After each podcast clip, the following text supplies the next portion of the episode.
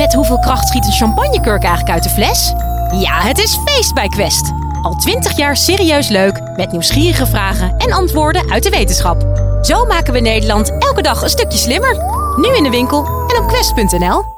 hey, daar is onze robotstofzuiger, Harry, van de Universiteit van Nederland. Vraag je je misschien af, waarom heeft die stofzuiger een naam? Nou ja, dat is makkelijk als ik wat wil zeggen tegen de stofzuiger. Niet dat hij begrijpt dat hij Harry heet. Dit soort gesprekken horen we wel meer op kantoor.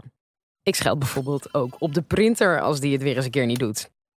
En nee, we zijn niet gek geworden. En we zijn ook lang niet de enige die dit doen. Waarom praten we tegen onze apparaten? Om te bewijzen dat we niet gek geworden zijn, zoeken we Peter Ruiten op van de Technische Universiteit Eindhoven. Hij onderzoekt waarom mensen wereldwijd babbelen met gebruiksvoorwerpen, alsof het mensen zijn. Sterker nog, vaak zien we gezichten in die producten. We maken ze menselijk. Peter zelf heeft een bijzondere band met zijn wasmachine. Er zitten twee knoppen aan. En als ik aan die knoppen draai, dan lijkt het net ogen. Nou, op het moment dat de was klaar is, doe ik de trommel open uh, en komt de helft van de was eruit rollen. En dan lijkt het voor mij uh, net alsof er uh, een, een, mens aan de braken is. En elke keer weer maakt het me blij en vrolijk en, en ja, heb ik een, een klein vreugdemomentje. Als je erover nadenkt, is het toch ook wel een beetje raar. Een schattige of kotsende wasmachine. We weten dat het niet klopt, maar we kunnen er niets aan doen dat we overal gezichten in zien. Wij zien heel veel patronen in elementen waar geen patroon in zit. Pareidolie noemen we dat. De meeste voorbeelden zien we in stopcontacten, waar we een gezichtje in zien. Misschien de vorm van wolken, eh, waar we bepaalde gezichten of menselijke vormen in zien. Eh, de voorkant van een auto, de grill daarvan, eh, daarvan zien we ook, zien we ook vaak een gezicht in, zeker met de koplampen ernaast als ogen. Een huis waar een paar ramen op staan die eruit zien als ogen die mij in de gaten houden. Wanneer je er een klein beetje op gaat letten, wat ik dus doe, dan zie je het echt overal. We hebben niet veel nodig om ergens een gezicht in te herkennen.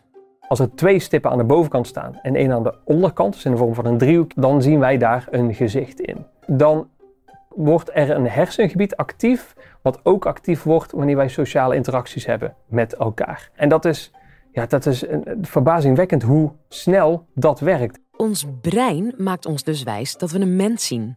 Niet gek dat we vervolgens denken dat voorwerpen ook gevoelens hebben. Dat ze blij kunnen kijken of boos.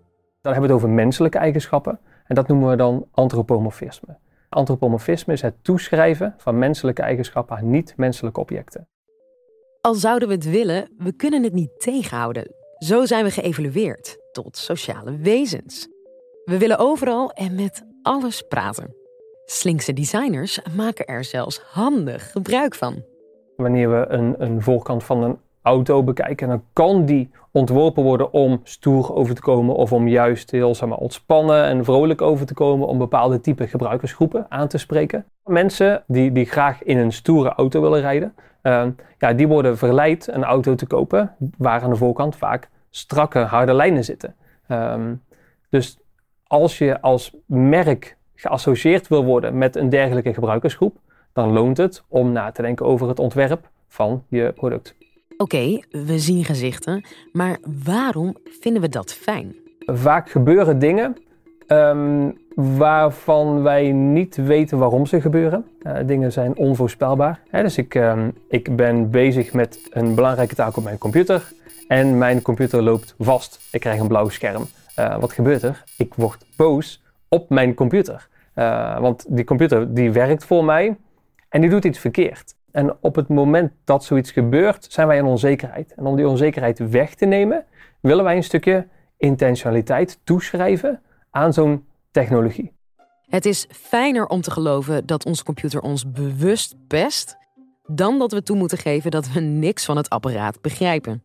En dat helpt ons om tot rust te komen, om ja, die onzekerheid weg te nemen.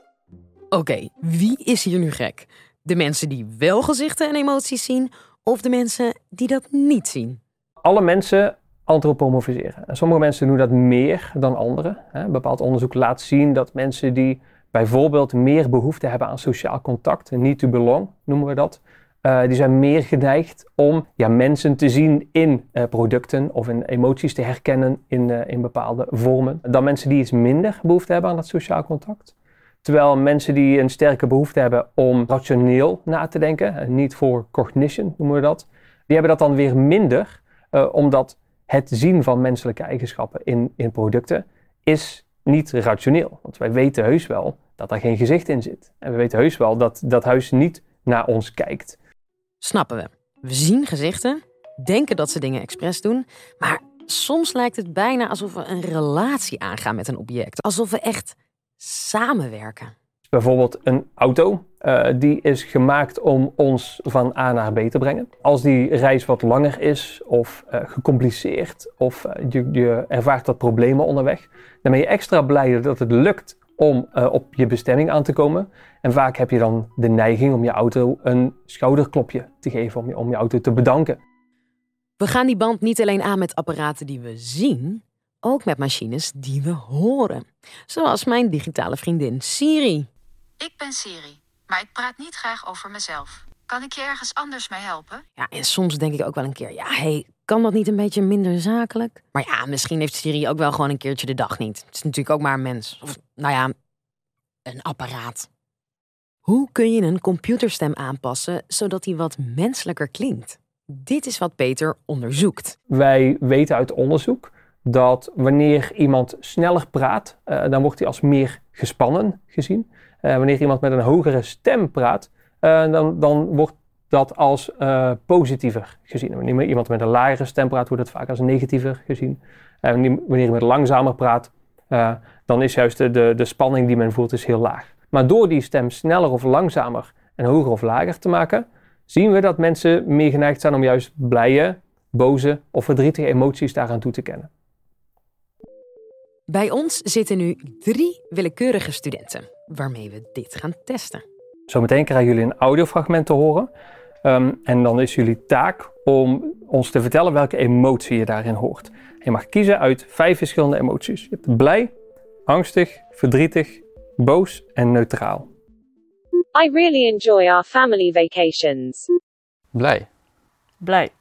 Blij. Het is makkelijk om een emotie te herkennen in een stem. He never listens to me anymore. Um, verdrietig. Verdrietig. Maar wat als die emotie niet klopt met wat er gezegd wordt? I was terrified that night. Um, boos. Uh, verdrietig. Angstig. Als we een zin te snel, uh, of juist te langzaam, of te hoog, of juist te laag afspelen, dan is het heel moeilijk om daar de juiste emotie in te herkennen. That noise is getting really annoying. Neutraal. Mm, neutraal. Neutraal. Nou, dat zagen we heel goed, uh, dat er twijfel ontstaat. Of dat men dan maar kiest om een neutrale emotie toe te schrijven aan dat soort uh, uh, zinnetjes. Met de uitkomsten van zijn onderzoek kan Peter spraakassistenten steeds menselijker maken. In een ideaal geval uh, zou ik het gesprek wat ik nu heb, niet met jou, maar met een laptop kunnen hebben. en het komt even natuurlijk over.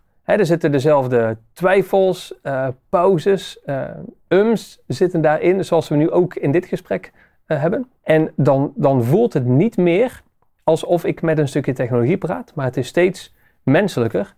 En, en daar voelen wij ons nu eenmaal meer bij op ons gemak. Oh, wacht even.